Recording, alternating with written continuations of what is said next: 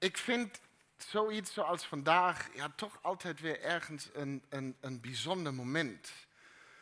Een, ja, bijzonder moment waar we met z'n allen de, mogelijkheid krijgen om, om bij elkaar te komen. En dat zijn voor mij echt enorm inspirerende momenten. Uh, uh, enorm inspirerende momenten. Dus draai je even naar degene naast je of achter je en zeg even tegen diegene: Ik ben blij dat je er bent.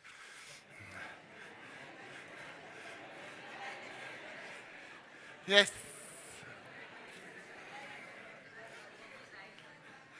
En, en jullie thuis ook. Eh, ik ben blij dat je er bent. Echt waar. Ik ben blij dat jullie er zijn. En waarom kom je nog achter?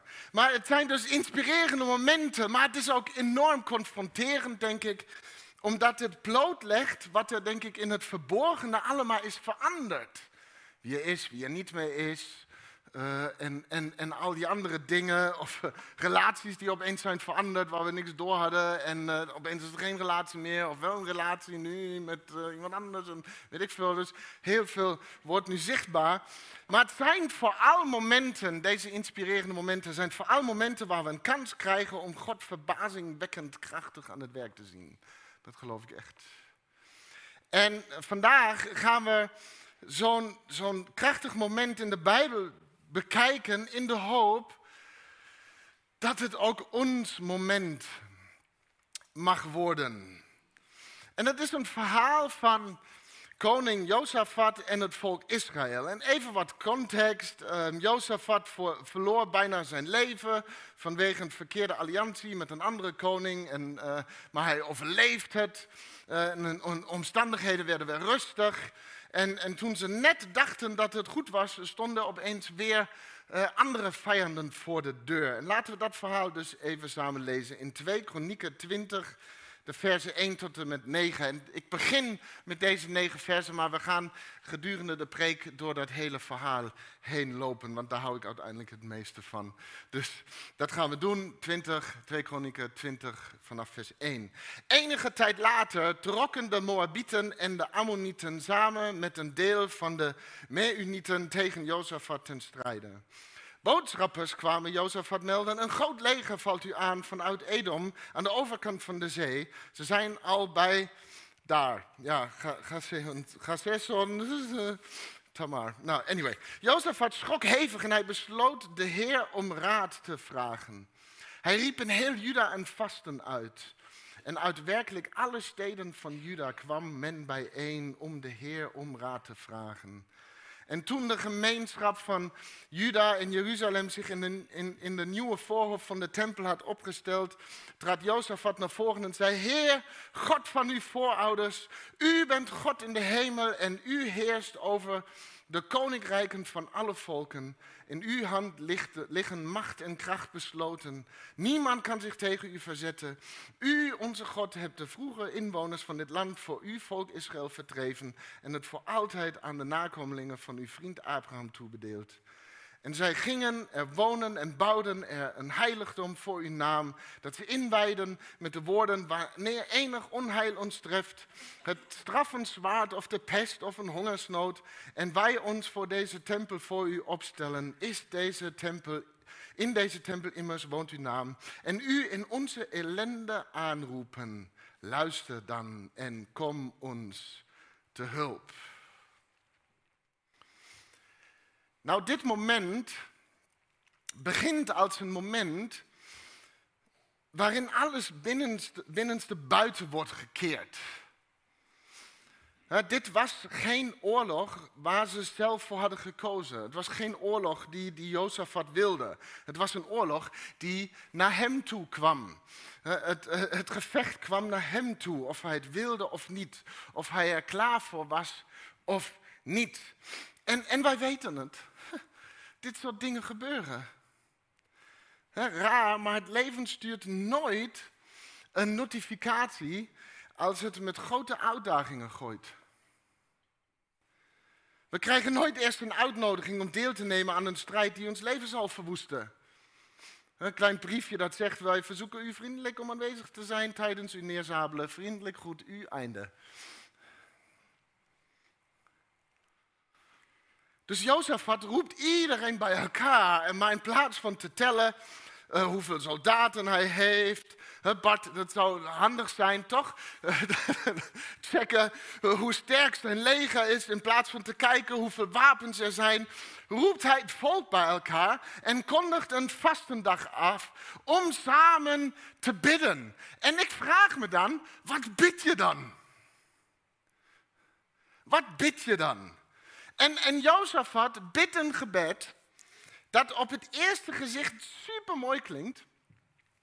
Maar het lijkt een beetje zo'n passief-agressief ter-info gebed.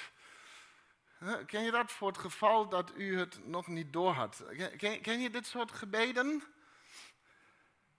Nee? Enorm boeiend. Eh, het zijn van die gebeden waar we God vaak vertellen, dingen vertellen die hij al weet. Eh, eh, maar als je God dingen vertelt waarvan je denkt dat hij deze echt zou moeten weten, dan heb je volgens mij een probleem. Want als God de dingen niet weet waarvan jij vindt dat hij ze zou moeten weten, dan, dan kan hij ook niks doen. Heer, ik heb een probleem. Oh. Als God dat niet weet, dan heb je pas echt een probleem. Vaak, informeren we God in ons gebed. Meestal is het meer, spreek Heer. Meestal is het, dus, nee, ik moet even goed zeggen, meestal is het niet, spreek Heer, uw dienaar luistert. Vaak zijn onze gebeden meer van, luister Heer, uw dienaar spreekt. Het lijkt alsof Jozefat dit dus doet. En, en dan wordt het nog beter. Want Jozefat vertelt God vervolgens wie God is. Heer, dit is wie u bent, voor het geval dat u het was vergeten. Hij vertelt hem wie hij is, wat hij heeft gedaan en het belangrijkste, wat hij had beloofd. En, en weet je, in tijden van crisis, het lijkt alsof hij een beetje in de waar is over God, dus we vertellen even God wie hij is. Uh, lijkt, in tijden van crisis lijkt het dat we soms dus een beetje in de waar raken over God. We denken dat hij vergeten is wie hij is. Dat hij niet meer weet wat hij in staat is om te doen en wat hij ons had beloofd. Maar weet je, wat we hier leren van Jozefat is zo belangrijk voor, voor onze reis in leven en geloof. Dus te midden van nood is het belangrijk, en dat is wat hij in zijn gebed zegt, is het belangrijk dat jij je herinnert wie God is voor jou. Het probleem is niet dat, dat God is vergeten wie hij is, omdat de dingen die hij had beloofd niet uitkwamen. hoeveel tijd breng je door God te vertellen wie hij is, omdat jij niet meer zeker weet wie hij is?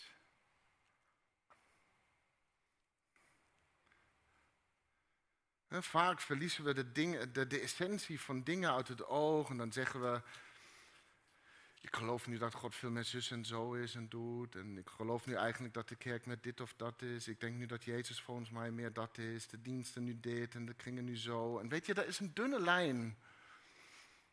Er is een dunne lijn tussen zoeken naar hoe de essentie beter tot zijn recht kan komen. En zoeken naar de essentie in zichzelf, omdat we niet meer zeker weten wat het voor ons is.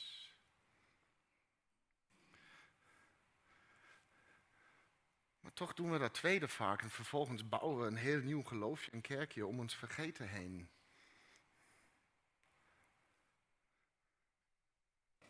Maar Jozefat herinnert zich. Het is dus geen passief-agressief gebed, maar hij houdt zichzelf en anderen God voor.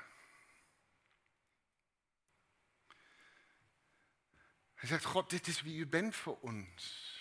En, wij kennen u. u. bent de God van alles. U bent de God van, van alle koninkrijken en naties. U bent de God die ons heeft gemaakt. U bent de God die ons heeft bevrijd. En deze crisis, deze nood, deze angst, deze zorg, deze uitdaging, deze tegenslag, deze strijd en deze teleurstelling en deze pijn en deze hopeloosheid en deze machteloosheid verandert niks aan wie u bent voor ons.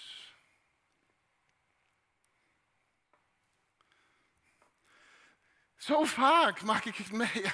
Mensen veranderen hun beeld van God niet vanwege academisch, theologisch onderzoek, maar vanwege overweldigende levenservaringen. En ze veranderen het niet naar een nog diepere relatie met Hem, maar het wordt vaak naar beneden bijgesteld. We vaak stellen we onze mening over God bij omdat omstandigheden veranderen. Als, als de oorlog ongevraagd naar ons toekomt.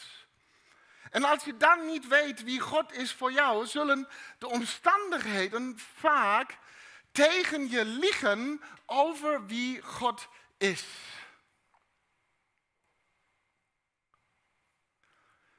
En dan komen we er nooit achter wat God ons wil zeggen over deze omstandigheden, in deze omstandigheden. Dus Jozefat staat op en begint met zichzelf en anderen God voor te houden. En dan gaat het gebed verder, de versen 10 tot en met 12. Nu worden wij aangevallen door de bewoners van Ammon, Moab en de Zeir. Ik, echt slecht, maar dat gebergte.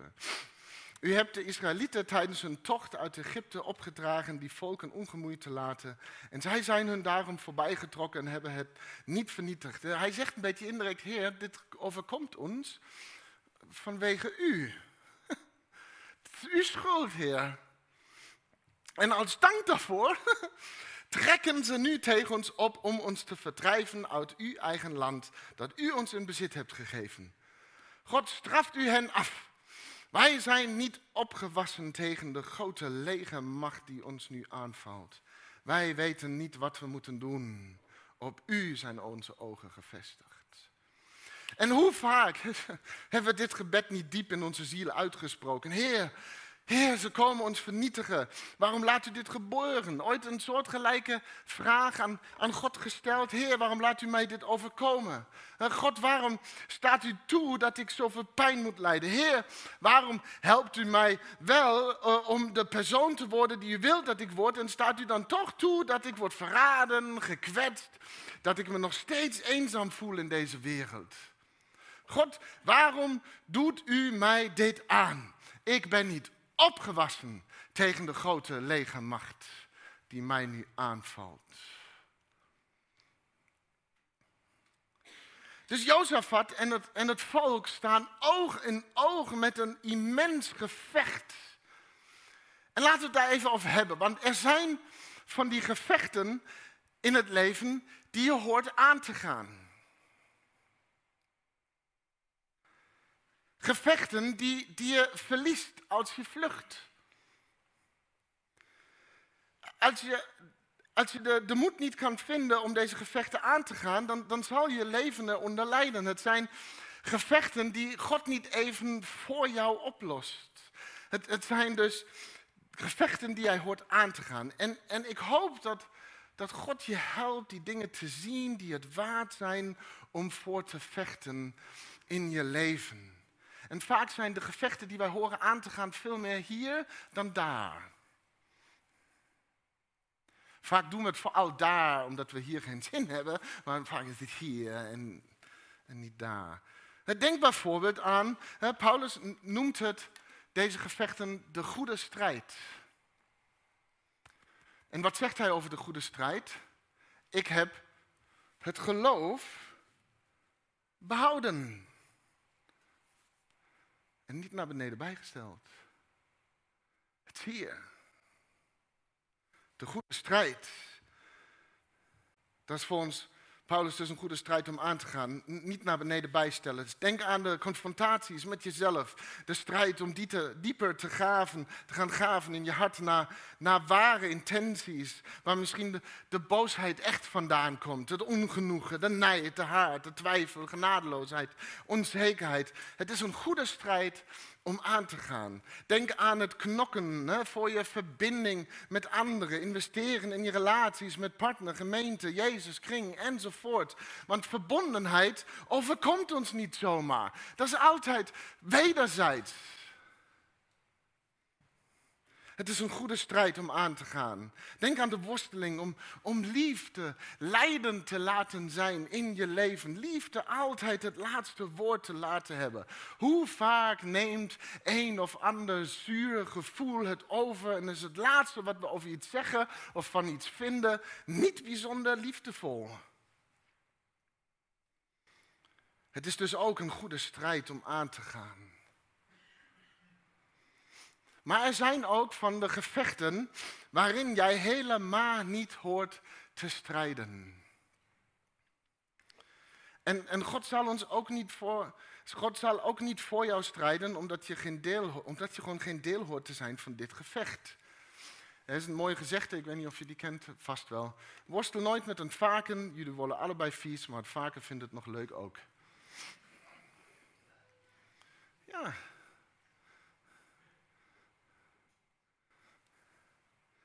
Het, het zijn de gevechten waar wij geen deel van horen te zijn. Als je voor zo'n gevecht kiest, zal, zal, je ook de klappen moeten opvangen. Je zal moeten leren wat het wel waard is om voor te vechten in het leven. Dus uh, choose your battles. Kies je gevechten. Is het de moeite waard? Je moet niet komen opdagen voor elke discussie waar je voor wordt uitgenodigd. Niet elke mening is je energie waard. Nee, we, we, moeten niet op alles reageren op Facebook. We moeten niet een mening hebben over alles en, en dat dan ook verkondigen in verontwaardiging. En nee, verontwaardiging is, zoals het woord zegt, geen waarde. Verontwaardigd, ongenuanceerd prullen is niet de goede strijd. Het is waarde loos, verontwaardigd.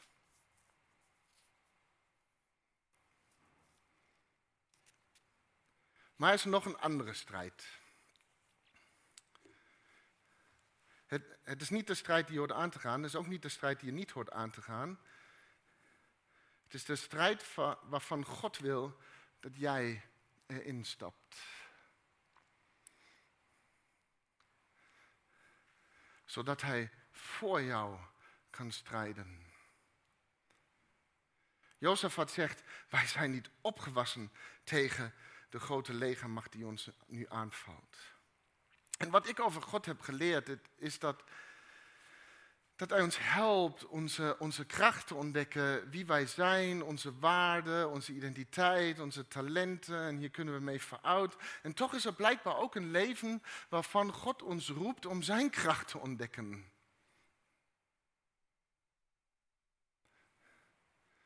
Dat van ons verlangt dat we over de grenzen van onze eigen kracht heen stappen naar een moment waar we, waar we moeten bekennen, we zijn niet opgewassen tegen deze grote legermacht. Hier heb ik geen kracht voor. Dit lukt mij nooit. En, en het lijkt bijna alsof God duidelijk wil maken dat je misschien meestal wint in het leven als je echt een winnaar bent meestal wint in het leven omdat de wedstrijden die je speelt te klein zijn voor je. Je bent misschien onoverwinnelijk als je voetbalt met uh, tienjarigen. Je bent misschien geweldig als de tegenstander allemaal kleiner en langzamer zijn. Het is sommige dragen volwassen trico's, maar, maar spelen kinderachtige spelletjes. Maar, God neemt ons vaak mee naar een plek voorbij onze kracht, waar wij Zijn kracht kunnen ontdekken. En dan dus deze mooie volwassen en eerlijke uitspraak van Jozefat, die altijd weer gepaard gaat met deze ontdekking. Wij weten niet wat we moeten doen. Op u zijn onze ogen gevestigd. Er zijn dus van die gevechten die op je wachten en die je nooit kunt winnen. Maar, maar, vaak zijn het juist deze gevechten waar je hoort te zijn. Gevechten waarin je de grootheid, kracht, het wonderbaarlijke, de vrijgevigheid en de goedheid van God zal ontdekken en ervaren en zien. En het lijkt in eerste instantie dat we dit niet gaan winnen. Het is een bedreigende vijand, een te grote tegenstander, een te ingewikkeld conflict, een te pijnlijk proces. Maar als je deze gevechten vermijdt, zal je verliezen. En, en je zal vooral verliezen, de, de, de, de toekomst verliezen die God voor je heeft. Dus Jozefat zei de waarheid en, en zo eerlijk mogen we ook zijn. Wij weten niet wat we moeten doen. Meestal weten we het gewoon niet.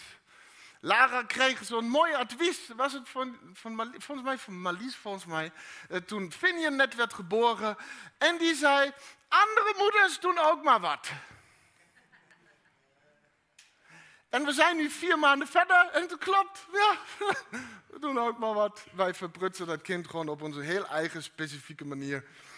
Ja. Dus meestal weten we niet wat, we doen. Maar God maakt hier iets heel belangrijks duidelijk. Want als je niet weet wat je moet doen, kun je maar beter weten wie je moet volgen. Jozef had zegt dus, wij weten niet wat we moeten doen, maar op u zijn onze ogen gevestigd.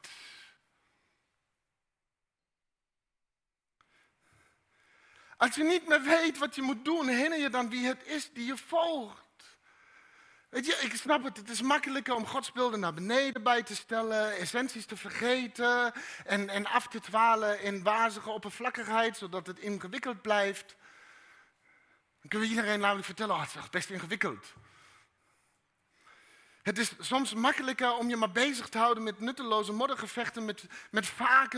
Maar lees mee. Maar Juda, heel Juda stond opgesteld voor de Heer. Ook de vrouwen en kinderen. En in hun midden bevond zich ook Jaga, Jagaziel, de zoon van Zecharia, die de zoon van Benaja, dus de zoon van Jehiel, de zoon van Matania, een leviet uit de familie van Asaf. En hij werd ter plekke gegrepen, hier komt het, door de geest van de Heer en zei, Juda en Jeruzalem en u, koning Jozefat, luister goed. Want dit zegt de Heer, Laat je door de grote legermacht die jullie bedreigt geen angst aanjagen, want dit is niet jullie strijd, maar die van God. En iedereen denkt, oh goed, geweldig, dankjewel geest, hartstikke mooi. Ga hun morgen tegenmoet. Shit.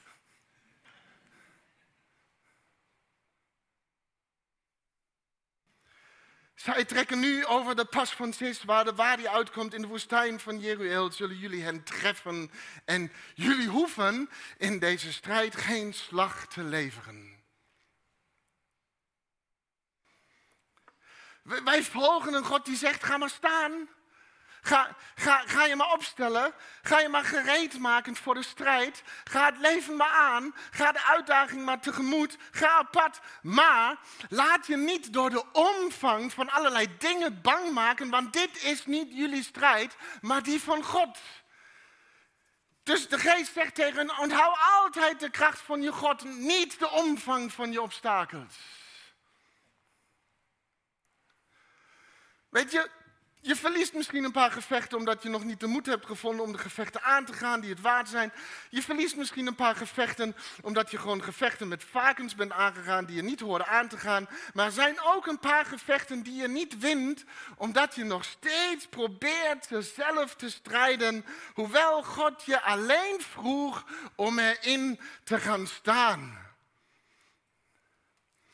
Want, zo zeg ik het nog een keer, had je het alleen gekund, had je het al lang gedaan. Dit is niet jouw strijd, maar die van God.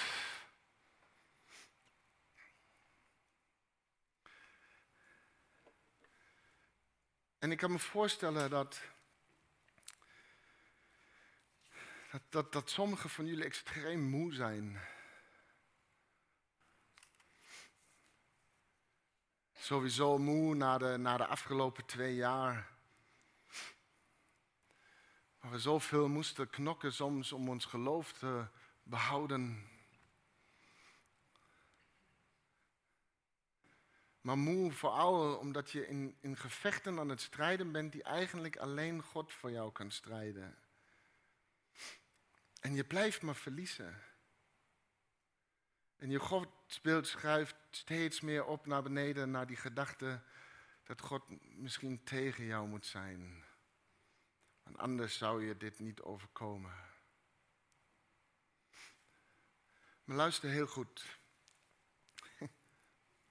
God is niet jouw vijand.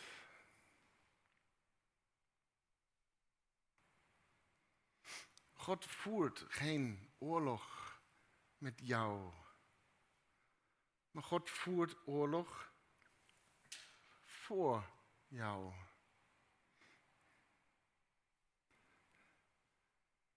En misschien ben je wel iemand die vindt dat God je vijand is. En ik heb dan zoiets, weet je, blijf dan maar knokken. Maar God zal echt zijn best doen om je te winnen met liefde.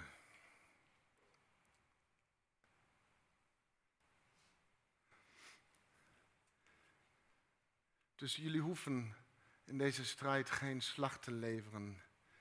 Stel uzelf op, blijf staan. En dan zullen jullie zien hoe de Heer, die jullie Juda en Jeruzalem bijstaat, voor jullie de overwinning behaalt. Laat je door hen geen angst aanjagen. Trek een morgen tegemoet. En de Heer staat jullie bij. En Jozefat boog diep voorover en heel Juda en Jeruzalem knielden neer om de Heer hulde te brengen. En de, de Levieten uit de familie van Korach, die weer behoorden tot de familie van Kehat, zongen staande met luide stem de lof van de Heer, de, God van Israël. En de volgende morgen vroeg gingen ze op weg naar de woestijn van Tekoa. Bij hun vertrek trad Jozefat naar voren en sprak hen als volgt toe. Juda en Jeruzalem, luister. Vertrouw op de Heer, uw God, en u zult stand houden. Vertrouw op zijn profeten en uw welslagen is verzekerd. En in overleg met het volk wees hij zangers aan om de lof van de Heer te zingen. En zij trokken voor de bewapende legermacht uit, de heilige glorie prijzend met de woorden, lof de Heer, eeuwig duurt zijn trouw. En zodra zij jubelend hun lofzang aanhieven, zorgde de Heer ervoor dat de Ammonieten en Moabieten en de bewoners van de gebergte, bla bla, die Juda wilden aanvallen vanuit verdekte stellingen werden belaagd en zo werden ze verslagen. En het is zo'n krachtpatse tekst, maar we moeten even goed lezen, want er is soms wat verwachting, uh, verwarring over hoe gevechten worden gewonnen. Sorry Bart, dat is een heel andere strategie dan dat die jij hebt geleerd als major. Maar dit is, hier is wat verwarring. Wij zien bijvoorbeeld die verwarring in hoe sommige christenen steeds meer in deze tijd gebruik maken van de wapens van deze wereld. Maar dan staat er, stel uzelf op en blijf staan. Neem je positie in. De opdracht is, neem je gevechtshouding aan. En ik weet niet of je het zag, want ze hebben niet hun wapens gepolijst, maar ze gingen een zangdienst organiseren. Super slechte strategie, toch Bart? Ja, Ze gingen niet keihard om zich heen slaan, maar ze gingen keihard om zich heen zingen, loven en prijzen en aanbidden. Staande met luide stem, lof de Heer, eeuwig duurt zijn trouw. Dus hun gevechtshouding was een houding van samen aanbidden. Samen aanbidden, hoor je mij? Het was aanbidden en het was samen. Ja, heb je het gehoord? Zeg maar aanbidden, maar dan samen. Ze deden vooral samen aanbidden en dan aanbidden, samen, samen aanbidden. Ja, uh, maar voor mij hoeft het dingen allemaal niet. Nou, dan stop met het naar beneden bijstellen, omdat je bent vergeten waar dit over gaat. Maar dominee, ik vond de aanbidding vandaag echt helemaal niks. Dat is oké, want we doen het ook helemaal niet voor jou. We doen het samen voor Hem. Dat wat? Dat aanbidden.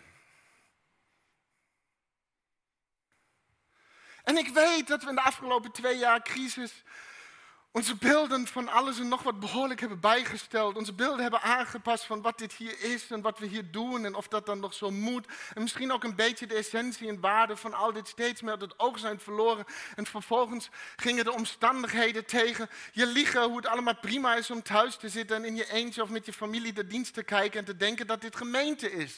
En ik, ik hoop niet dat je denkt, uh, ik, ik vind het spannend vanwege corona en daarom blijf ik thuis. Je mag het spannend vinden, dat, daar gaat het niet om. Het gaat gaat juist om als je het prima vindt.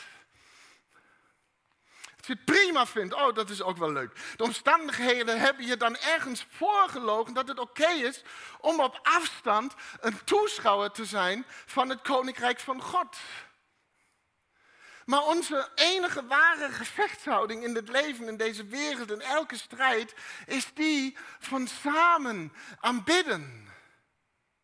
Samen aanbidden. Want had je het alleen gekund, had je het al lang gedaan. Dus samen te staan in de strijd waar, we, waar God ons wil hebben, zodat we samen leren te leven, dat de strijd altijd van Hem was, is en zal zijn. Samen te staan in aanbidding en, ons, en onszelf en elkaar God voor te houden. Dit is wie Hij is. Dit is wie Hij wil zijn voor ons. Dit is wat Hij heeft beloofd. En dit is wie wij mogen zijn in Hem. En als ons deze tijd van afzondering iets heeft geleerd, dan is het dat, dat er niets goeds voortkomt uit mensen die alleen aan hun eigen gedachten zijn uitgeleverd. Wij zijn niet gemaakt om te leven in een lange afstandsrelatie met het lichaam van Christus.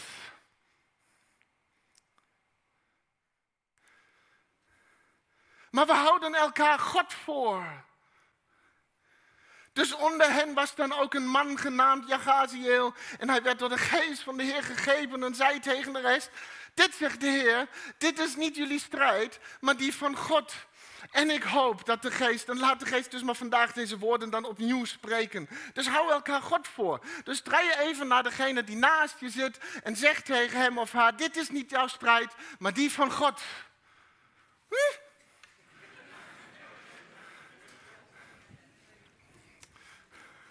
Is moeilijk elkaar God voor te houden. Moeten we leren.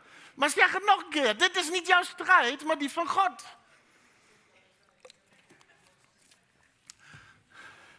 Weet je, ik kan me voorstellen dat je moe bent. Je krijgt dat ene zinnetje nauwelijks eruit.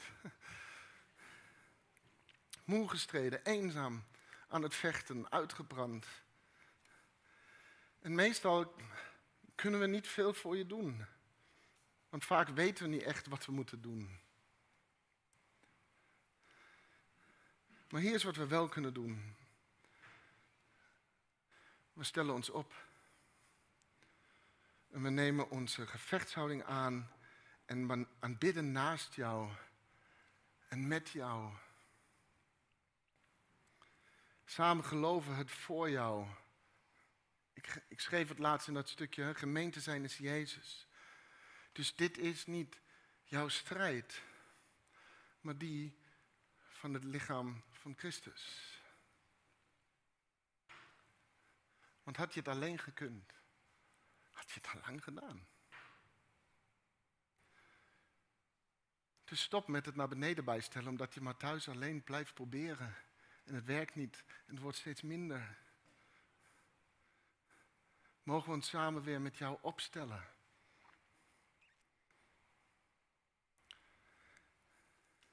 Weet je, degene in het leger van God zijn niet degene met wapens.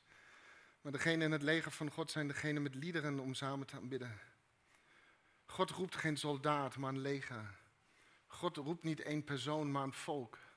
En God roept ook geen predikant, maar een gemeente. We zullen nooit alleen kunnen doen waarvoor we gemaakt zijn om samen te doen.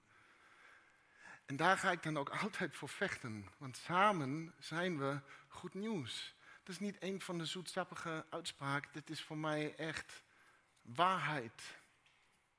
Diep gegronde waarheid in de essentie van wat het lichaam van Christus is. En daarom hou ik jullie dit ook constant weer voor. En ook mezelf. Samen zijn we goed nieuws. Een gevecht waar je bij hoort te zijn. En, en God strijdt voor jou, voor ons. Hij, hij knokt voor jouw verbinding met Hem. Hij knokt voor jouw liefde voor Hem en het lichaam van Christus. Hij knokt voor onze groei als nieuwe schepping. God zal altijd strijden voor het lichaam van Christus. De gemeente die zich opstelt in een overweldigend leven met het geloof dat liefde altijd het laatste woord heeft. Amen. Amen.